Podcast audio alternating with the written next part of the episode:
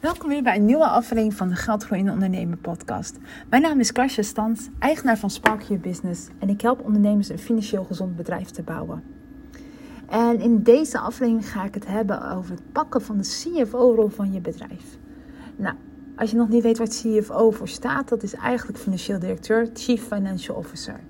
En meestal in grote corporates uh, heb je een CEO, Chief Executive Officer, en een CFO, een Chief Financial Officer. Volgens mij heb je ook een CPO en een eh, CMO met marketing en personeel. Nou goed, je kan alle kanten op. Nou, als ondernemer ben je natuurlijk niet alleen die CEO. Hè, dat zien we, uh, zien we ons vaak. Hè. We zijn in ieder geval algemeen directeur van ons bedrijf. Je ziet zelf mensen dat op LinkedIn plaatsen. Maar je bent ook CFO van jouw bedrijf. En die rol wordt toch nog vaak vergeten, terwijl het een van de belangrijkste functies is in je bedrijf. Als je groeit met je bedrijf, zal je snel een financieel manager in dienst gaan nemen, hè? of zelfs een CFO. Hè, als je personeel hebt en uh, intussen tonnen omzet gaat doen, dan merk je dat je dat niet meer zelf kan doen. Maar tot die tijd ben jij het wel zelf. En een CFO houdt zich niet bezig met de administratie, maar met de toekomst en strategie en het financieel gezond, uh, het financieel gezond houden van een bedrijf. Ik hoor vaak van ondernemers, hè, dan uh, zeggen ze tot, ja, maar ik heb mijn financiën op orde hoor. Ik heb mijn administratie gedaan. Of uh, ja, uh, het ligt bij de boekhouder. Ik heb het bij de boekhouder neergelegd. En natuurlijk is je administratie belangrijk. Ook als CFO kan je niet zonder de administratie. Ik heb in een grote corporate gewerkt. ik was business controller daar. er werkten ook heel veel administrateurs die al die bonnetjes verwerkten, al facturen inboekten. ja, dat is heel belangrijk, want zonder cijfers heb je gewoon niks.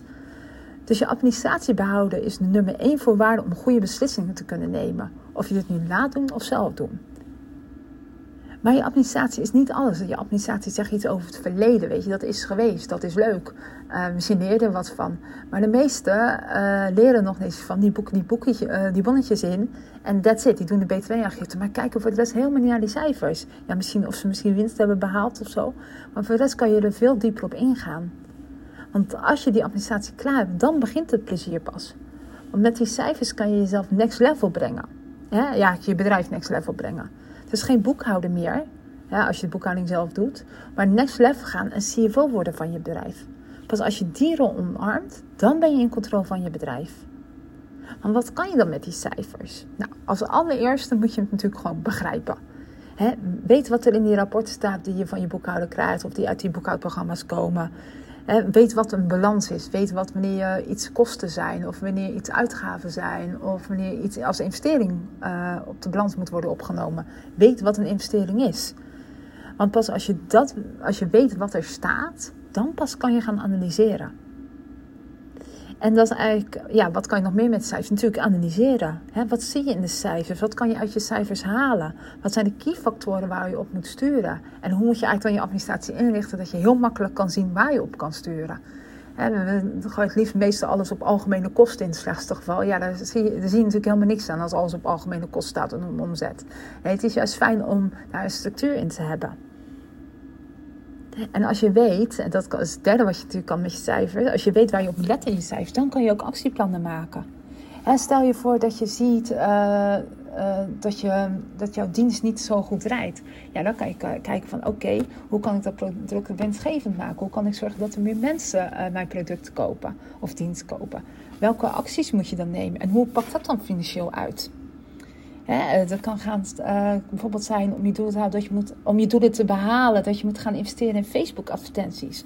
Of juist met een product moet stoppen, of je prijzen aan te passen, of je aanbod. Kortom, je kan er heel veel mee. En natuurlijk de vierde, en dat is het leukste van allemaal, is het toekomstgericht denken. Op basis van je huidige cijfers kan je behalve actieplannen maken, dus ook toekomstgericht denken. Bijvoorbeeld over financiële doelen of meerjarenplannen of een cashflow planning. En dan komt natuurlijk ook een heel stuk strategie bij, waar je ook weer CEO-pet op moet zetten. Want stel je voor dat je nu 5k of 5000 euro per maand draait als omzet. En je wil naar, over twee jaar naar 15k of 15.000 euro omzet. Ja, wat moet je daar dan voor doen? Wat uh, uh, moet je daar een, uh, gaan investeren in personeel of moet je je diensten aanpassen? Dus en ja, wie ga je dan aannemen? Het heeft een heel erg ja, een strategisch deel, maar alles heeft ook financiële consequenties. Als jij bijvoorbeeld iemand wil aannemen voor jouw back-office, ja, dat kost geld. En hoe ga je dat dan terugverdienen? En dat is super interessant om dat natuurlijk door te rekenen en te kijken of je dat echt kan doen. En daar, ja, daar ontbreekt het bij heel veel ondernemers aan om in dat inzicht. En het is helemaal niet erg, maar dan moet je iemand naast je hebben staan die dat wel voor je doet.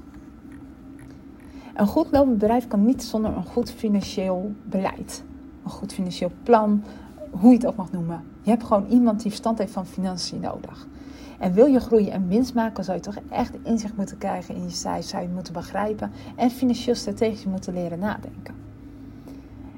Ik werk met één op één trajecten om zo klanten goed te kunnen helpen om in die CFO-rol te komen. Ik spreek al mijn klanten minstens in ieder geval elk kwartaal en sommige meerdere keren per maand. En dat hangt een beetje af hoe groot je bedrijf is en wat jouw, behoefte daarin is. Soms gebeurt er heel veel in het bedrijf en heb je me heel vaak nodig. En soms loopt het gewoon lekker en dan is één kwartaal gewoon goed. In die kwartaalbespreking hebben we het echt over van alles. Over de huidige size, wat er opvalt, over de administratie. Maar ook is het een vast moment waarbij we samen kijken wat er dat kwartaal gebeurd is. Wat in de planning zit voor het volgende kwartaal. En wat daar dan weer de financiële gevolgen zijn. Dus dat is een van mijn favoriete momenten. Want ik zie natuurlijk de, uh, sommige klanten één keer het kwartaal. En dan uh, praat je erover, geef je huiswerk mee. En dan drie maanden later is er meestal zoveel gebeurd. Dat je af en toe denkt van, hé, is dat echt pas drie maanden geleden gebeurd? Uh, het is altijd een heel bijzonder moment, is het altijd. En ook te zien hoe, de, ja, te realiseren hoeveel groei er ook in zit. En het kan van alles zijn hè, wat er gebeurt of wat je in de planning hebt staan. Het kan zijn dat iemand ineens heel ziek is geworden en daardoor wat minder omzet heeft gedraaid. En uh, het kan zijn dat er een lancering staat gepland flinke, uh, op het volgende kwartaal en dat er investeringen voor nodig zijn. Alles heeft met geld te maken. En tijdens deze kwartaalbesprekingen kijken we welke eh, financiële consequenties dit heeft. En ook kijken we natuurlijk naar de cijfers zelf. Als bijvoorbeeld, ik heb een klant die heeft ongeveer 70.000 euro omzet per jaar.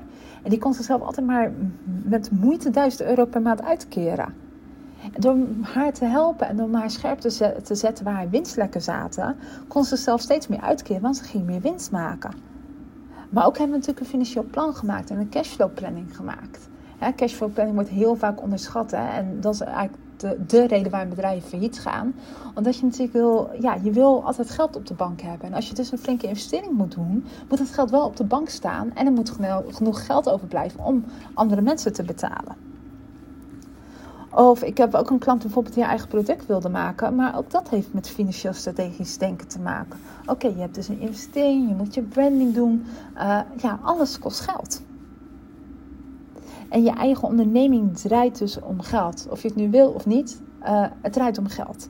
En daarom is het zo belangrijk om die CFO gewoon in jou op te roepen en te knuffelen en te omarmen. Nou, ik kan je daar natuurlijk ook gewoon bij helpen. Natuurlijk kan je bij mij in een van de één op één trajecten stappen, maar ik ga ook wat nieuws lanceren. En het is een try-out. Het is ruimte voor maximaal zes personen. Het is een groepsessie. Het is, ik ga niet individueel naar jouw cijfers kijken, dat doe ik in mijn één op één trajecten. Maar we gaan wel met een groep van zes ondernemers, met mij erbij dus totaal zeven, gaan we twee uur lang elk kwartaal naar je cijfers kijken. En uh, het is een groepsessie. Ik heb het Finance Meets Fun genoemd. Word de CFO van je bedrijf. En uh, we gaan dus met maximaal zes mensen een online sessie van twee uur lang doen en daar de CFO in jou wakker maken. Ik ga je vragen stellen over je huidige cijfers, om te reflecteren, naar het volgende kwartaal te kijken, financiële plannen te maken en inderdaad een cashflow planning te, ja, in ieder geval bewust te zijn dat je dat moet doen. En uh, ook tijd natuurlijk voor reflectie en actieplannen maken. Eigenlijk alles om jou gewoon te laten nadenken hoe je financieel strategisch kan nadenken. Het is dus een pilot. Ik doe het, gaat in oktober voor de eerste keer doen. En de bedoeling is dat we gewoon elk kwartaal uh, doen. En de prijs is nu 49 euro. Ik denk dat die uh, op een gegeven moment wat duurder wordt. Dat weet ik nog niet. Maar, uh, en je zit nergens aan vast. Dat is misschien even belangrijk. Je zit niet aan een abonnement vast of wat dan ook. het is gewoon eenmalig 49 euro. Je kan gewoon lekker aanschuiven. er zijn al twee tickets verkocht. Dus ehm, ja, ik heb er nog vier over. En ja, 5 oktober is de, is de dag om 9 uur. dus woensdagochtend. En uh, ja, je doet gewoon gezellig een sessie mee als je wilt. En je hoeft niet te delen. Ik weet, het is heel gevoelig, want het gaat om geld. Delen hoeft niet, mag wel. En je hoeft ook niet specifieke nummers te noemen. Maar misschien kan je anderen wel helpen of anderen jou helpen. Uh, kijk wat je zelf fijn vindt. Uh, dus als je interesse hebt, mail me dan op info at sparkleyourbusiness.com of check even mijn Instagram at sparkleyourbusiness.com en daar vind je ook een linkje om een kaartje te kopen. En ja, je krijgt dan een mailtje met, met een agenda-uitnodiging. En een week van tevoren krijg je huiswerk mee. want het is natuurlijk fijn als je met de juiste spullen gewoon voor je zit. En ja, ik hoop dat ik je dan spreek. En wil je liever één op één kwartaalsessie met me hebben, dan kan je natuurlijk ook een van mijn trajecten nemen. En dan kijk ik natuurlijk persoonlijk mee op je, in je cijfers. En meer info kan je vinden op www.sparkyourbusiness.com. Ja, het was dus een heel soort reclameblokje wat je kreeg. ik doe het maar eigenlijk nooit. Maar ja, ik zou het super leuk vinden als je meedeed met de pilot. En eigenlijk vooral ook voor jezelf om je CFO gewoon in jezelf te knuffelen. En uh, nou ja, dankjewel weer voor het luisteren. Ik wens je een hele fijne dag.